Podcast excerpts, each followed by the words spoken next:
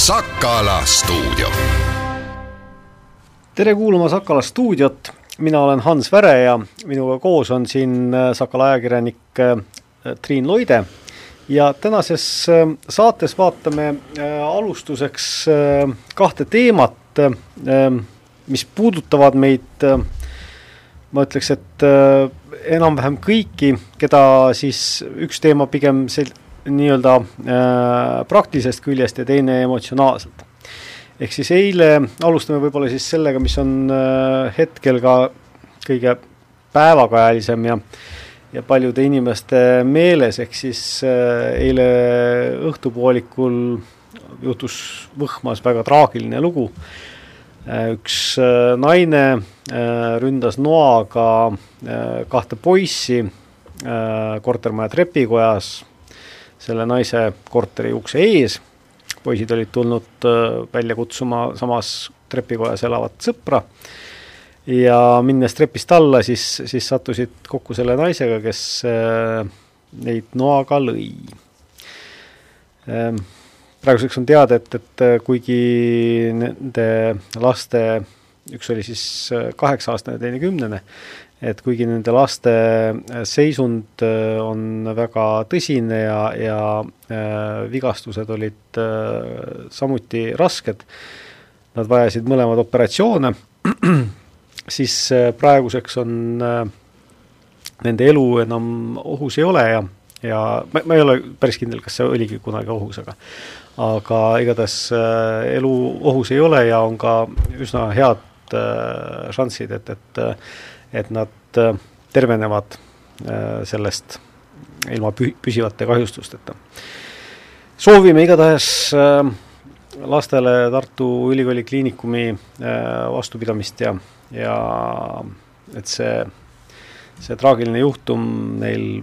võimalikult kiiresti ununeks, last, lapsed õnneks on, on suure kohanemisvõimega ja, ja loodetavasti tõepoolest see ei jää neid väga kauaks mõjutama. Ähm, aga lugu ise ei, väga traagiline igal juhul ja, ja kui äh,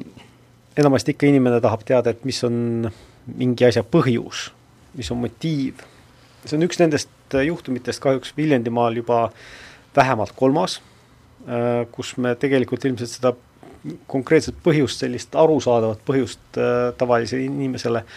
nagu ei saagi teada, sest et äh, see naine saadetakse nüüd kohtu äh, psühhiaatrilisse ekspertiisi, ei tea, mis sealt vastus tuleb, aga, aga vaimseid muresid tal on olnud ka varem. Äh,, vähemalt niimoodi räägivad siis inimesed, kes, kes teda tunnevad ja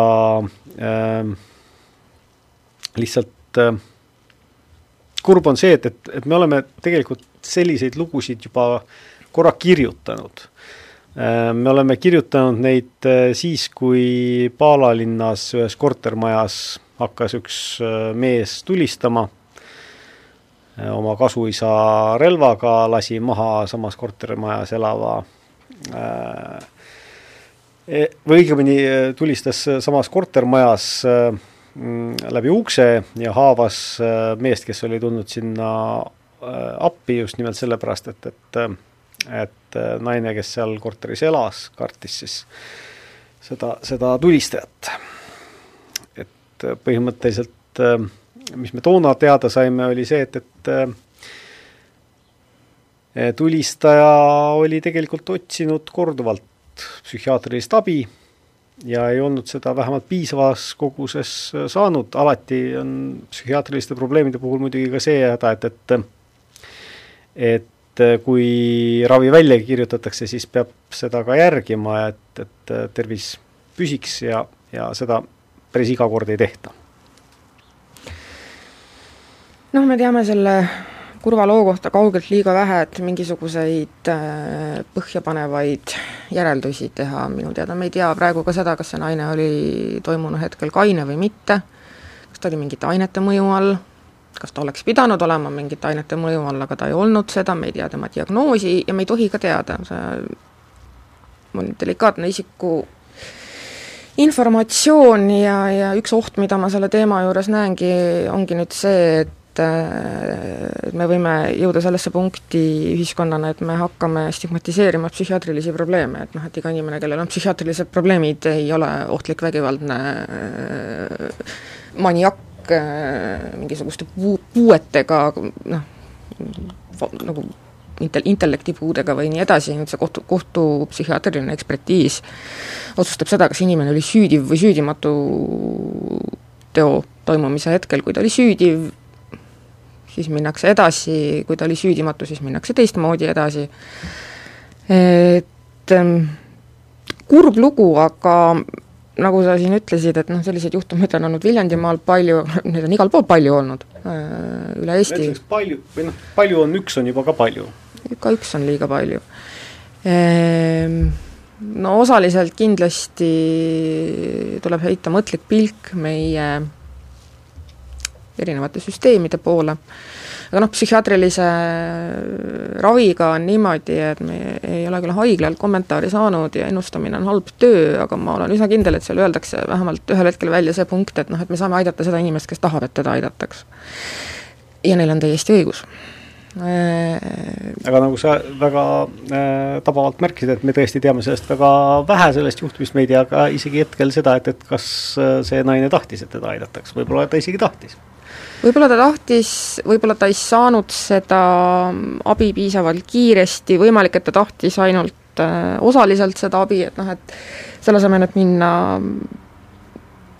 nii-öelda sellesse süsteemi sisse, võtta neid ravimeid, käia regulaarselt vastuvõtul, olla järelevalve all,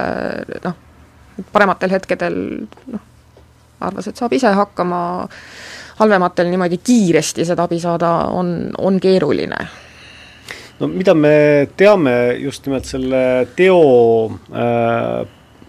teo põhjal siis on see, et, et ikkagi äh, midagi jäi puudu. Ja, ja, ja võib-olla ei olegi praegu see õige hetk hakata ütlema, et, et kes on nüüd siis selles süüdi, et, et äh, midagi jäi puudu, aga äh, noh, see on üks, üks nende, neid kordi, mis jälle juhib meie tähelepanu sellele, kui vähe tegelikult Eestis vaimsele tervisele tähelepanu pööratakse ja ja sinna ressursse pannakse, et kui sa ütlesid, et ma olen täiesti nõus, et, et me ei tohiks hakata selle juhtumi põhjal äh, stigmatiseerima vaimsete äh, probleemidega inimesi, vastupidi, et me peaksimegi meelde tuletama, et, et äh, nende asjadega tuleb hakata tegelema juba siis, kui, kui nad on väikesed, kui, kui neid on kergem kontrolli all hoida vaimseid häireid on väga erinevaid ja, ja mõnda saab paremini kontrollida, mõnda halvemini ja, ja ja mõnda ei saa üldse. aga kui süsteemi tervikuna vaadata, siis, siis äh, no midagi ei ole teha, et, et, et esiteks inimesed ise pööravad sellele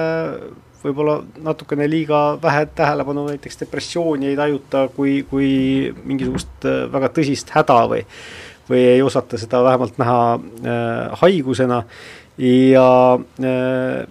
ja ka nii-öelda kõrvalseisjad on siis need, kes ei oska väga tihti õigesti, õigesti käituda. aga kõige selle kõrval on meil ikkagi seda, seda raviressurssi nende probleemidega tegelemiseks on ka äh, väga, väga vähe ja, ja, ja järjekorrad äh, vaimsete probleemidega abi saamiseks on pikad? noh, see meditsiinilise ressursi leidmine algab tegelikult sellest, et äh, teismeeas laps, kes omale gümnaasiumi vaatab, mõtleb nendele asjadele ja mõtleb, et jah, et loodusained ja matemaatika, need sobivad mulle, ta lõpetab gümnaasiumi ära, vaatab uuesti ringi, annab paberid arstiteaduskonda, otsustab siis spetsialiseeruda, ja see protsess võtab põhimõtteliselt umbes viisteist aastat. ehk siis äh, möödalasud, mis tehti viisteist, kakskümmend aastat tagasi äh,, hakkavad praegu arstide puuduse näol valusalt tundu andma äh,. Kuidas seda probleemi lahendada, ma arvan, et osaliselt me jõuamegi tagasi selleni, et nendest asjadest tuleb rääkida, kõikidest nendest asjadest rahulikult,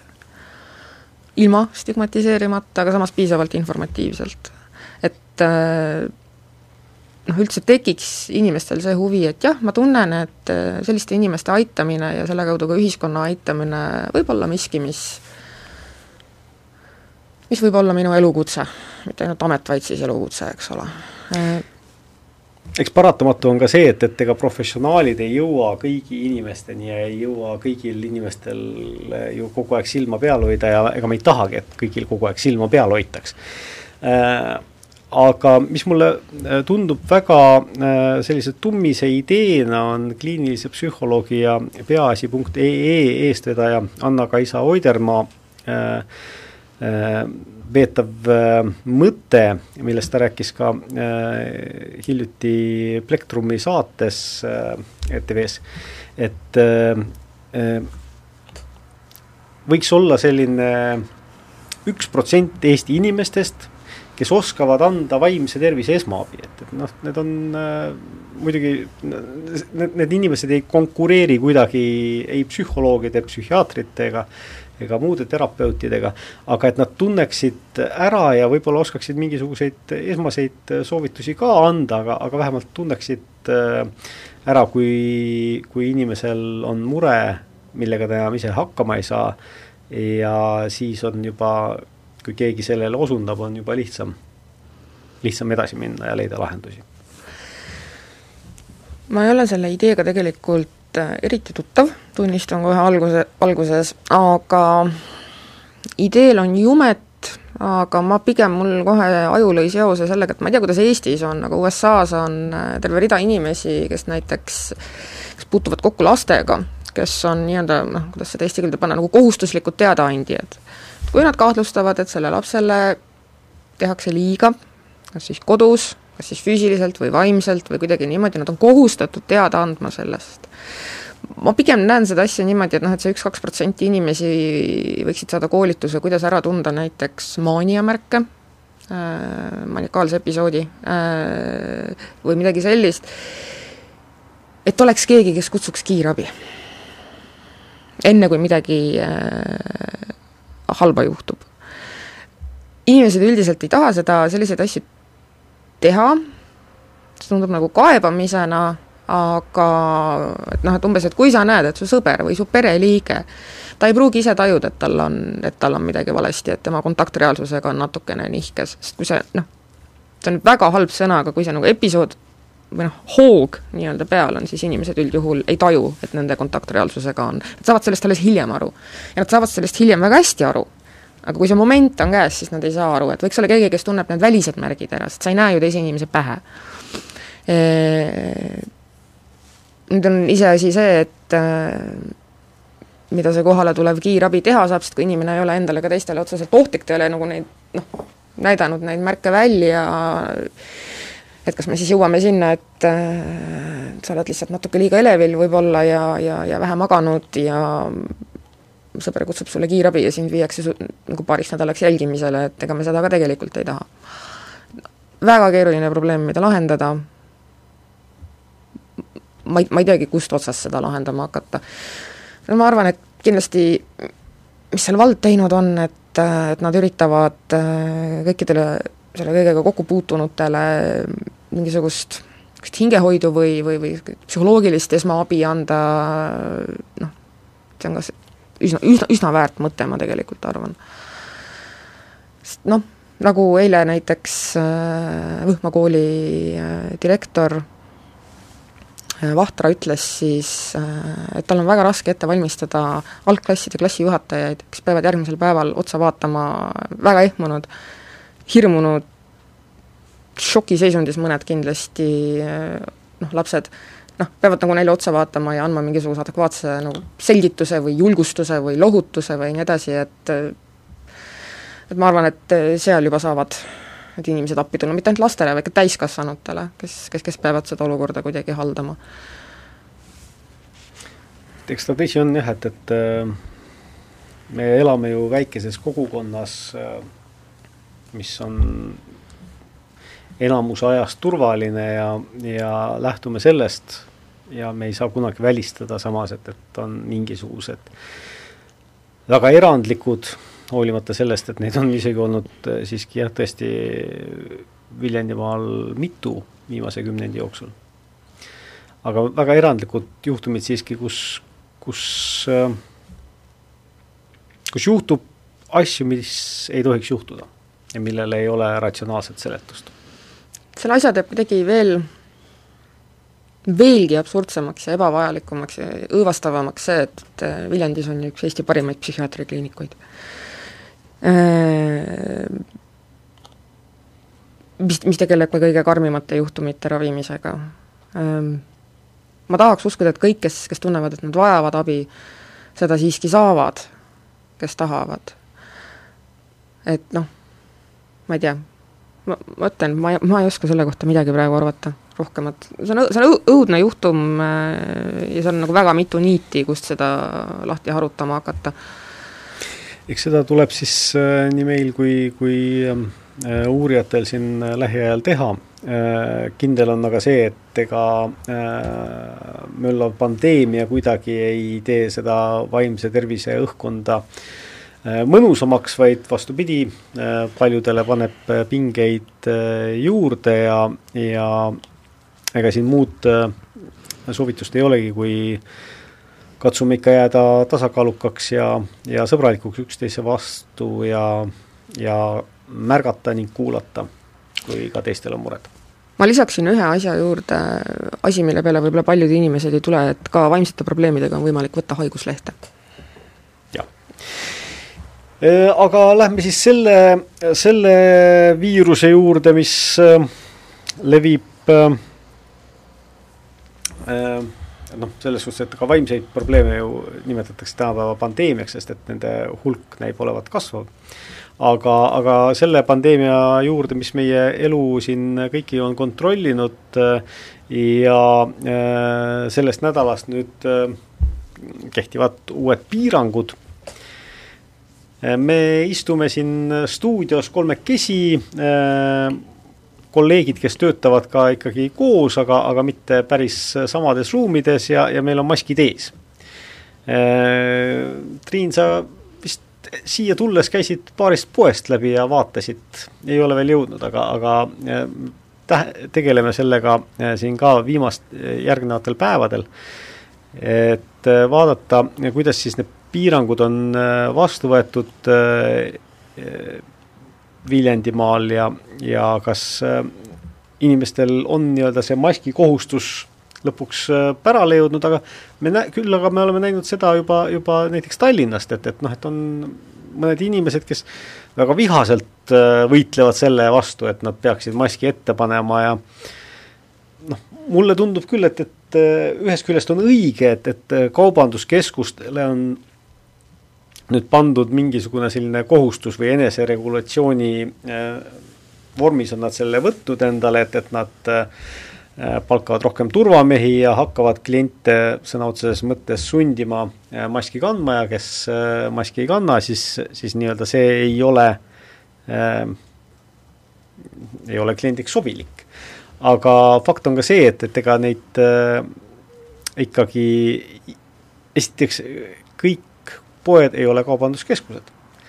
ja kas seda nüüd igal pool sedasi järgima hakatakse, see on omaette küsimus. Ehm, politsei, kui ma nüüd olen õigesti aru saanud, see on ka üks selline suur probleemirägastik, et politsei ehm, maski kandmise puhul trahvi teha justkui ei saa, seda saab teha ainult Terviseamet ja Terviseameti inimesi jällegi on ehm, väga vähe ma otsustasin äh, poereisi äh, teha õhtupoole, kui on rohkem inimesi. Äh, praegu noh, ka tänavatel on vähe inimesi, ma võin saada niimoodi kui ma siit raadiost lähen, siis ma ilmselt teen väikese tiiru, aga ma arvan, et see pilt on juba selles mõttes natuke kallutatud, kuna inimesi on vähe, noh, siis võivadki nii mõnedki öelda, et noh, et siin ei ole ju kedagi, et ma käin ära ilma maskita, aga kui neid on juba rohkem ja siis ka neid maske ei ole, siis see on võib-olla natukene aga see on inimeste asi, aga, aga küsimus on tegelikult ka selles, et poed peavad nüüd kontrollima no see on teine tore küsimus, sellepärast et kaubanduskeskused vastutavad selle eest, mis on kaubanduskeskuse nii-öelda avalikel aladel. avalikud käimlad äh,, käiguteed, kaubanduskeskuse ümbrus aga poed on kaubanduskeskuse rentnikud, et äh, samamoodi nagu meie ärimaja omanik ei saa kontrollida, kas me kanname siin stuudios maske või mitte. ei, ma ei ütleks küll, poed on ka ikkagi avalikud äh, kohad, sest et see jah, erinevalt ütle... sellest stuudiost siin. jah, aga sa, sealt tuleb see, see keeruline nüanss sisse äh, ma ei ole kindel, kui palju meil neid turvamehi on ja kas, kas neid jagub kõikidele korrustele ja, ja igasse poe otsa, et ühesõnaga teema on keeruline ja osaliselt me seda juba eelmisel kevadel noh, vaatasime, noh, siis oli küll küsimus pigem kaks pluss kaks reegli järgimises ja, ja sest maski ei olnud saadagi? maski ei olnud saadagi, saati polnud neid kohustuslikuks tehtud, mis on teine küsimärk, et justkui on nad kohustuslikuks tehtud, aga tegelikult noh, nad, nad ei ole nagu, nagu päris kohustuslikud ja siis on veel see sõlm seal sees, et inimene võib öelda, et tervislikud põhjused ei luba tal maski kanda. ja samas keegi ei saa kontrollida, et kas need tervislikud põhjused eksisteerivad või mitte. just. Äh, see on üks segapuder, aga noh, nagu meil on sõna otseses mõttes igast kanalist juba kuude kaupa korrutatud, et äh, täiskasvanud inimesed ei peaks olema nagu viieaastased lapsed, kellel on vaja öelda, et nüüd söö putru ja nüüd söö taldrik tühjaks ja nüüd vii see taldrik äh, kraanikaussi, et meie isiklik isiklik vastutus ja, ja kui me nüüd sellega läbi kukume, siis eks me peame selle pandeemia üle elama ja siis pärast seda väga pikalt ja põhjalikult peeglisse vaatama, et, et, et kus me oleme mööda pannud, kus, kus, mis on valesti läinud. Jah, ega äh, tegelikult äh, see, äh, need uued meetmed minu meelest on eelkõige selleks viimaseks meeldetuletuseks, et et kui nüüd ei hakka kas siis kaubanduskeskuste omanikud või ka söögikohtade omanikud, kes on lasknud väga vabalt istuda oma klientidel kõrvuti laudades suurte gruppidena, ilma mingisugust hajutatust äh, korraldamata, mitte kõik, aga nii mõneski söögikohas. Äh, ja kui nad nüüd ei hakka äh, järgima neid nõudeid, mis tegelikult on kehtinud juba mõnda aega, mida nüüd natukene keerati võib-olla karmimaks, aga et sellele järgnevad juba siis äh, need tagajärjed, et lihtsalt need ärid pannakse kinni ajutiseks. ja tegelikult see, see on seesama asi, mida peaksid mõtlema ka inimesed äh, ise, et, et, et äh, kui ma ei järgi neid reegleid, siis tegelikult tulemus on see, et äh, ma ei saa ei maskiga ega ilma maskita minna kaubanduskeskusesse, ma ei saa istuda kohvikus ei kahemeetrise vahega ega ilma selleta aga äh, sellega on meil saate esimene pool ka äh, läbi, äh, nüüd tulevad natukene uudiseid ja pärast seda räägime juba kaugõppest ja sellest, kuidas sellega toime tulla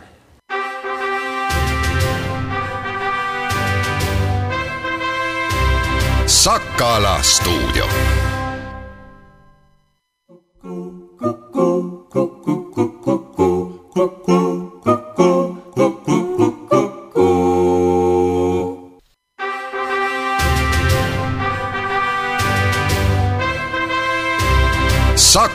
stuudio.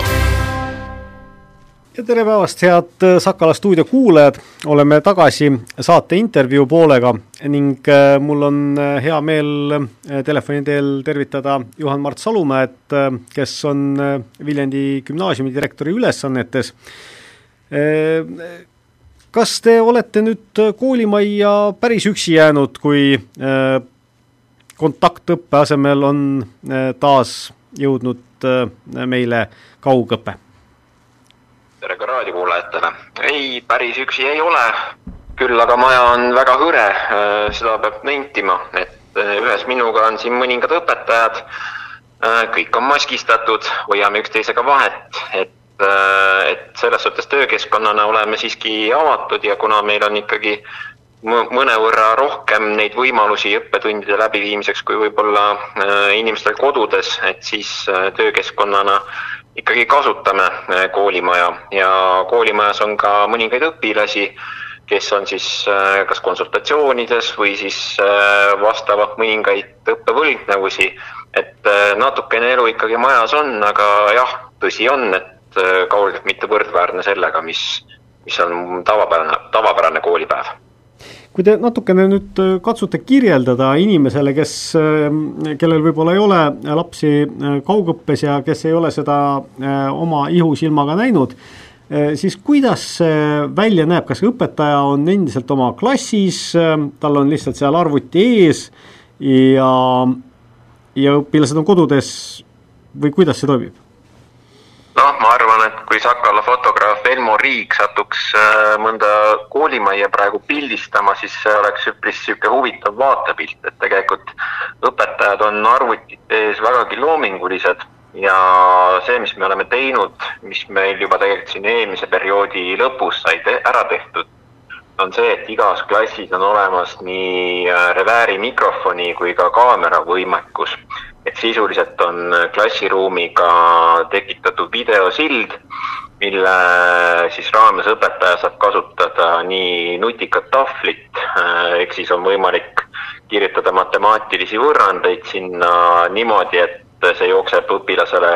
kohe ka niimoodi sirgjooneliselt äh, arvutiekraanile ja saab niipidi siis tehete ja võrranditega toimetada. aga on ka niisuguseid klassikalisi tunde, alles isegi siin ühe tunni, mul küll üle, ülemäära neid tunde ei ole, aga lõpetasin ühe niisuguse loengu formaadis tunni, aga see oli ka niisugune lühiloeng, et siis õpilased suunata iseseisva töö äh, peale ja tutvuvad siis äh, natukene Eesti maksusüsteemiga ette antud materjalide toel. et see pilt on mitmekesine Äh, mõned õpetajad on suutnud äh, vägagi, noh, tegelikult ma võiks öelda, et kõik õpetajad on oluliselt enda digipädevust äh, arendanud selle perioodi jooksul, mis oli eelmine aasta, natukene see aastat ja nüüd. et kõiksugused nutitahvlid, kaamerad, revääri mikrofonid, uued õpikeskkonnad, et seda kõike on ikkagi oluliselt hakatud rohkem kasutama ja ei saa öelda ainult seda nüüd, et äh, nagu mõni, mõni võib arvata, et nüüd nooremad õpetajad kuidagi võtaks rohkem niisuguseid nutikaid lahendusi kasutusele, et ei, absoluutselt äh, on see vanusest sõltumata ja õpetajad pigem metoodiliselt hindavad, et mis hetkel äh, kõige, kõige siis kasulikum on, et äh, mina näiteks julgeks küll öelda, et meie matemaatikaõpetajad siin Viljandi gümnaasiumis on küll tõelised digimitmevõistlejad, et korraga on nutitahvel, revääri mikrofon, kaamera ja erinevad keskkonnad kasutuses. ja õpet-, õpilased on sellega ka ikkagi päris edukalt äh, kaasa tulnud, et oleme siiski katsunud seda joont hoida, et neid keskkondi liiga palju ei ole ja nii-öelda kindla tarkvara loetelu peal oleme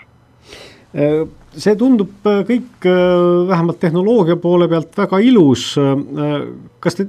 olete kursis, et, et kas Viljandi gümnaasium, kui ikkagi maakonna kõige suurem gümnaasium ja ja üks äh, ka selliseid äh, Eesti hariduselu teenäitajaid üldse, on äh, siin natukene nagu eliitseisundis või on samasugused võimalused kasutada ka kõigil teistel koolidel?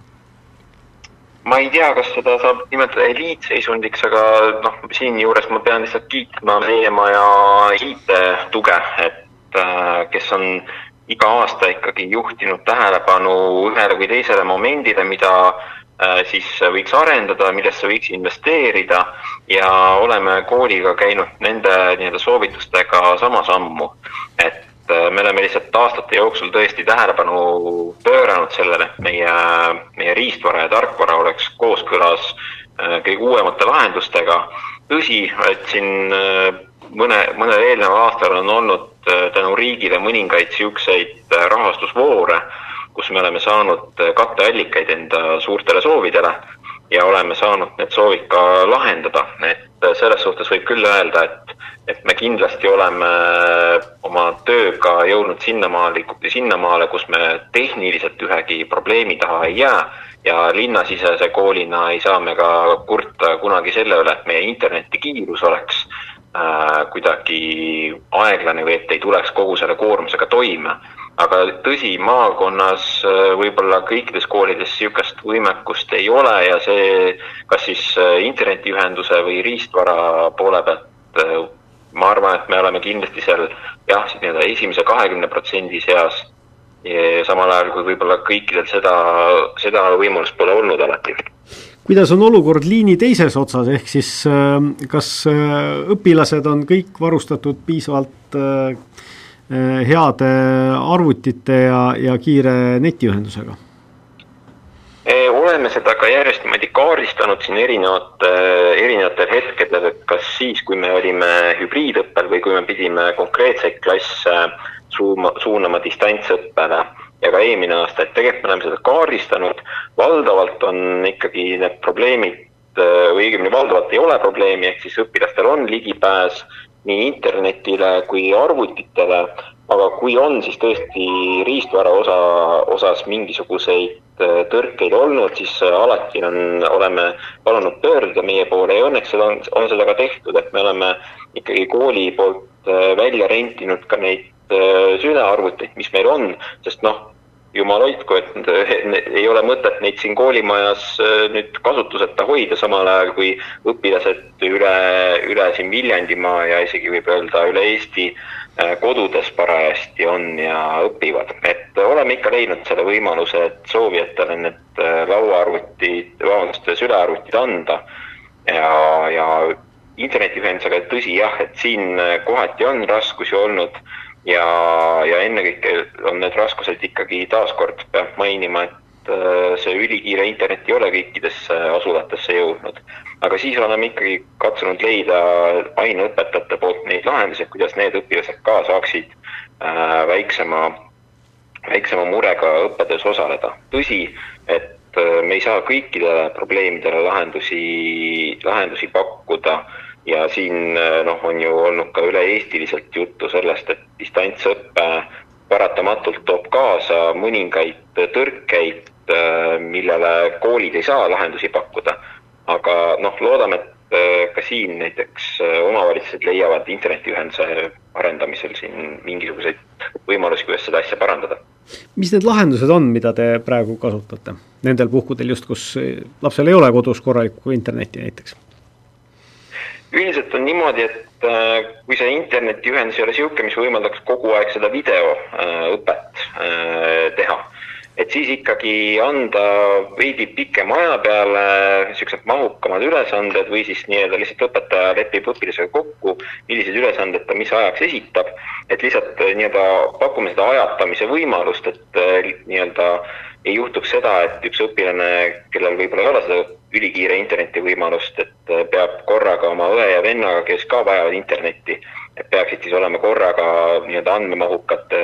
siis ülekannetega seotud et äh, see, me katsume leida niisugused individuaalsed lahendused, need ajaaknad, et õpilasel oleks võimalik äh, osaleda. Et äh, ikkagi jah, vaatame, mis parajasti see konkreetne probleem on ja selle põhjal siis otsime need lahendused. et riistvaraga pole probleemi, internetiühendusega peame tõesti otsima neid tasakaalupunkte. kui palju on neid asju, mida kaugõppes lihtsalt ei saagi teha? noh, kui me räägime, millest siin kunagi ka Sakalaga on juttu olnud, et kui me räägime näiteks äh, loodusainete praktikumidest või füüsika praktikumidest, mis eeldavad äh, laborikeskkonda, et äh,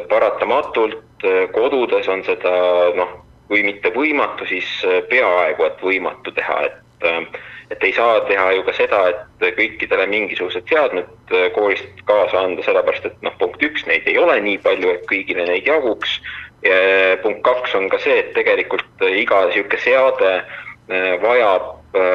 noh, õpetaja instruktsiooni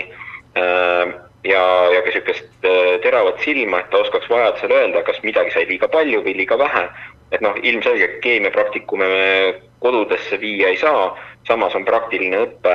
lahutamatu osa kaasaegsest õpikäsitlusest. et selle üle on mul praegu kurb meel ja noh, teine asi, mis, mida, mida ei saa ikkagi distantsilt sedavõrd edukalt teha, äh, on kõiksugune noh, kui me räägime kultuuritegevusest, kui me räägime näiteks äh, noh, asjast, mis on pikka aega ikkagi pausil olnud, kõiksugune koorimuusika,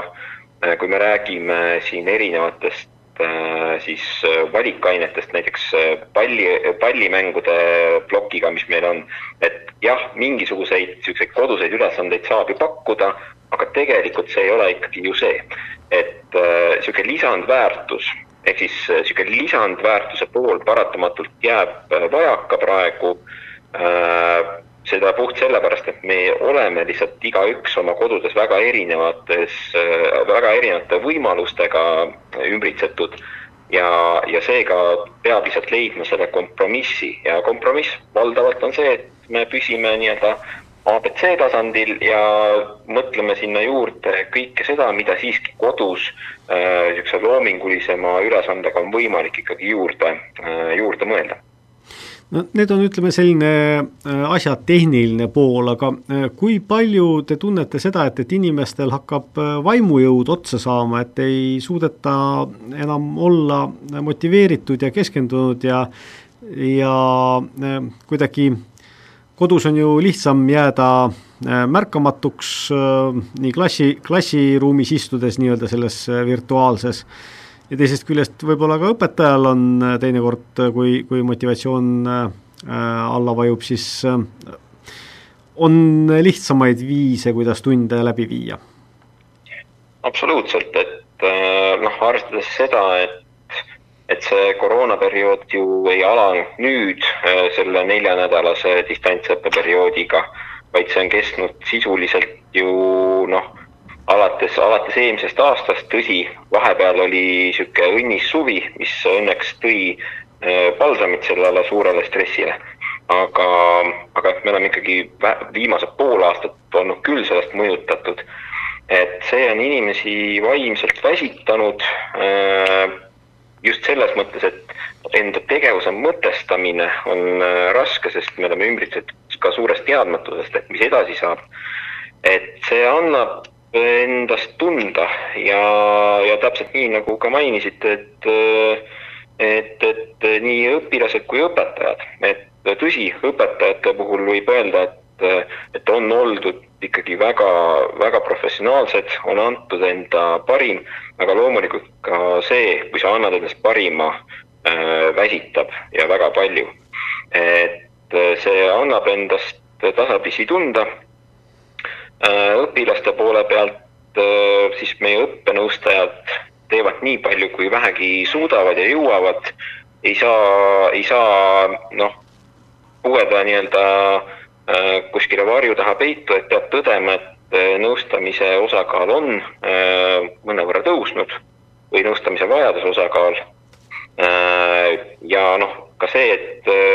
ministeerium on nüüd õpetajate nõustamisliini loonud, et see on kahtlemata väga tänuväärne ja õige samm, et see ei ole küll nii-öelda kohapealne nõustamine aga ka see, kui oma valdkonna ekspert saab kas või telefonitsi õpetajat äh, keerulistemates momentides äh, aidata hea sõna ja nõuannetega, et see on kahtlemata vajalik tänases olukorras. ja, ja, ja ma arvan, et äh, õiged sammud on, on tehtud ja, ja ka meie siin vaatame erinevaid võimalusi, kuidas seda niisugust aasta lõpu veel viimast motivatsiooni üleval hoida tihtipeale ei ole ju selle distantsõppe kõige raskem moment see või kõige suurem probleem see, et, et äh, noh, ei saaks ligi sellele kõige paremale ja väärtuslikumale informatsioonile. ikka saab, et kui me räägime internetiajastust, et äh, tõsi, olgugi, et teatud piirkondades ei ole niivõrd hästi kättesaadav kui mujal, et sellegipoolest me saame rääkida informatsiooni rohkusest ja, ja see kindlasti on nagu see pool, kus me saame öelda, et kes tahab, see leiab, aga just nimelt see tahte üleval hoid-, üleval hoidmine on selle distantsõppeperioodi puhul kõige äh, vaevalisem ja, ja selles suhtes on hea, et koolid ei ole tegelikult ju praegu mitte kinni, vaid äh, koolides on lihtsalt äh, ligipääsupiirangud. ja see tähendab seda, et need, kellel ikkagi on kõige suuremad äh, mured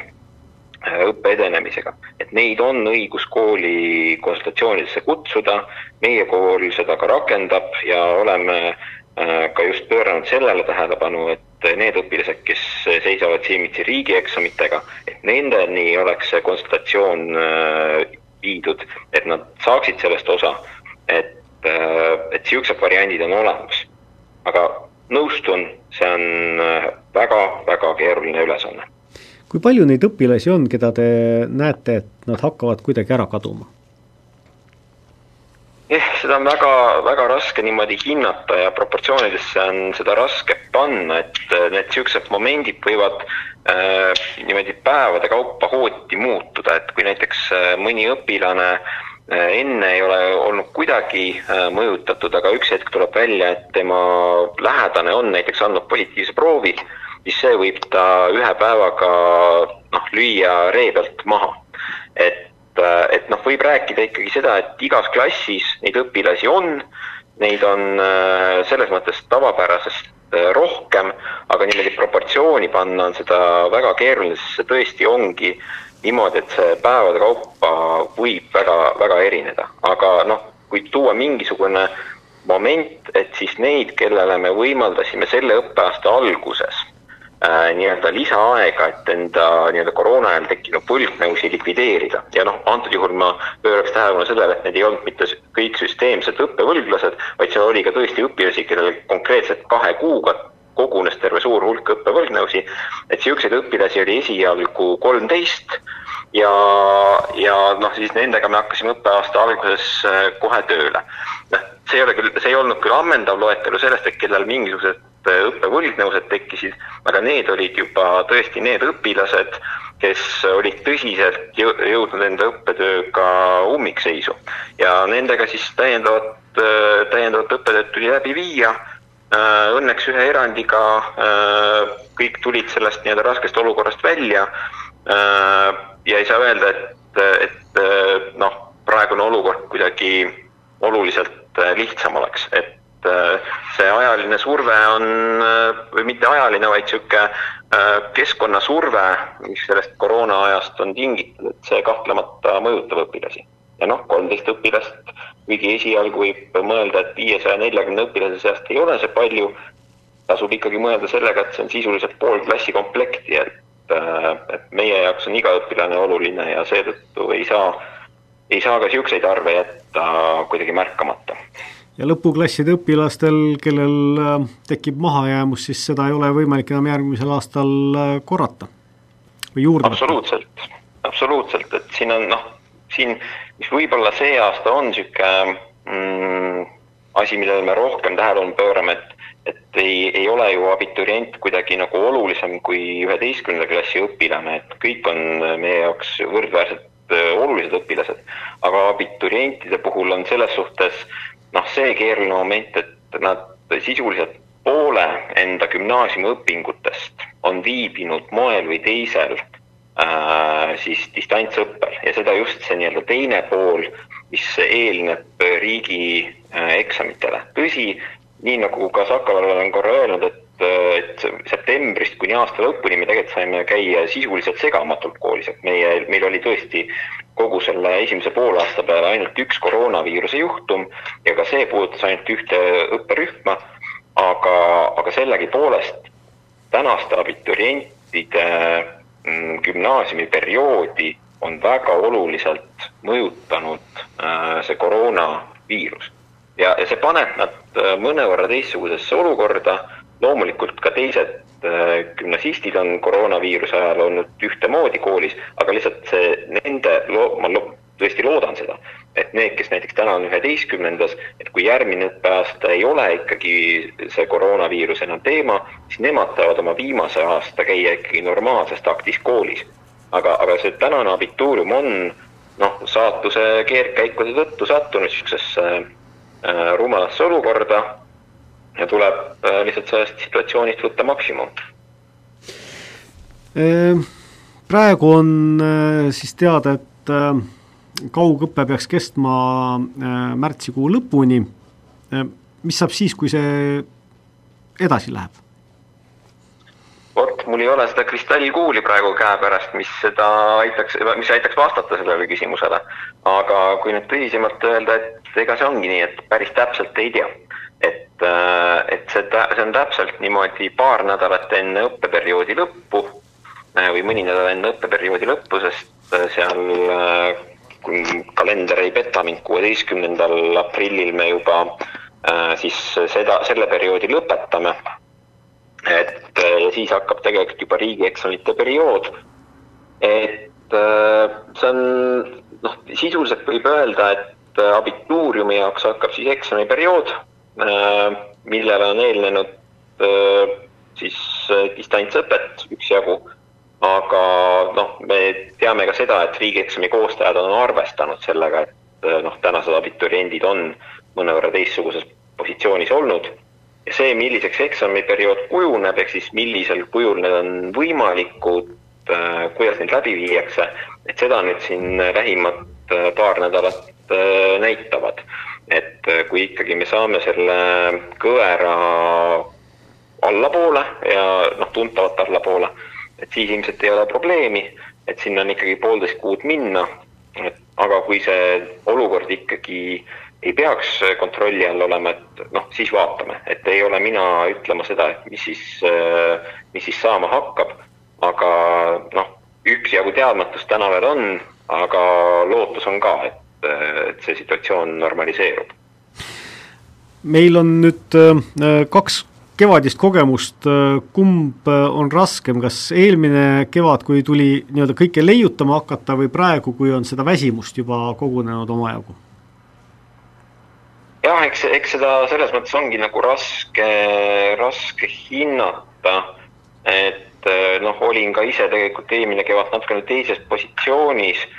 Ma arvan, et mõneski mõttes eelmine kevad oli sellepärast raskem, et eh, noh, tulenevalt teadmatusest, et mis üldse saama hakkab ja ka sellest, et tegelikult äh, seda distantsõpet tuli niimoodi põlve otsast äh, leiutama hakata, olgugi et äh, tänu haridustehnoloogidele väga, väga hästi ja väga sisukalt, aga, aga siiski niimoodi ootamatult. et ma arvan, et see oli ikkagi mõnevõrra nagu keerulisem.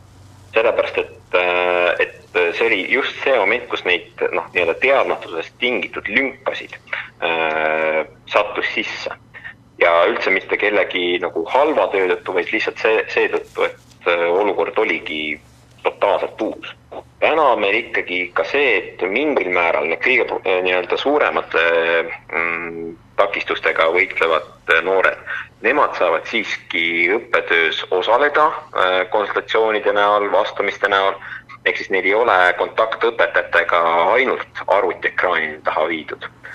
äh,. ja noh, kokkuvõttes on ka tõesti see, et äh, et natukene on see teadlikkus sellest viirusest endast aidanud nii palju kaasa, et see hirm ei ole, ei ole selle ees sedavõrd noh, suur. loomulikult ei taha üldse öelda seda, et see viirus ei oleks äh, ohtlik, et vastasel korral ei oleks ka ennast vaktsineerinud selle vastu. aga, aga sellegipoolest äh, me oleme noh, jõudnud täna äh, teadmiseni, et sellest haigusest on võimalik äh, jagu saada, kui sellega läbimõeldult tegeleda. aitäh, Juhan-Mart Salumäe nende vastuste eest. jõudu te kõigile õpilastele ja, ja õpetajatele!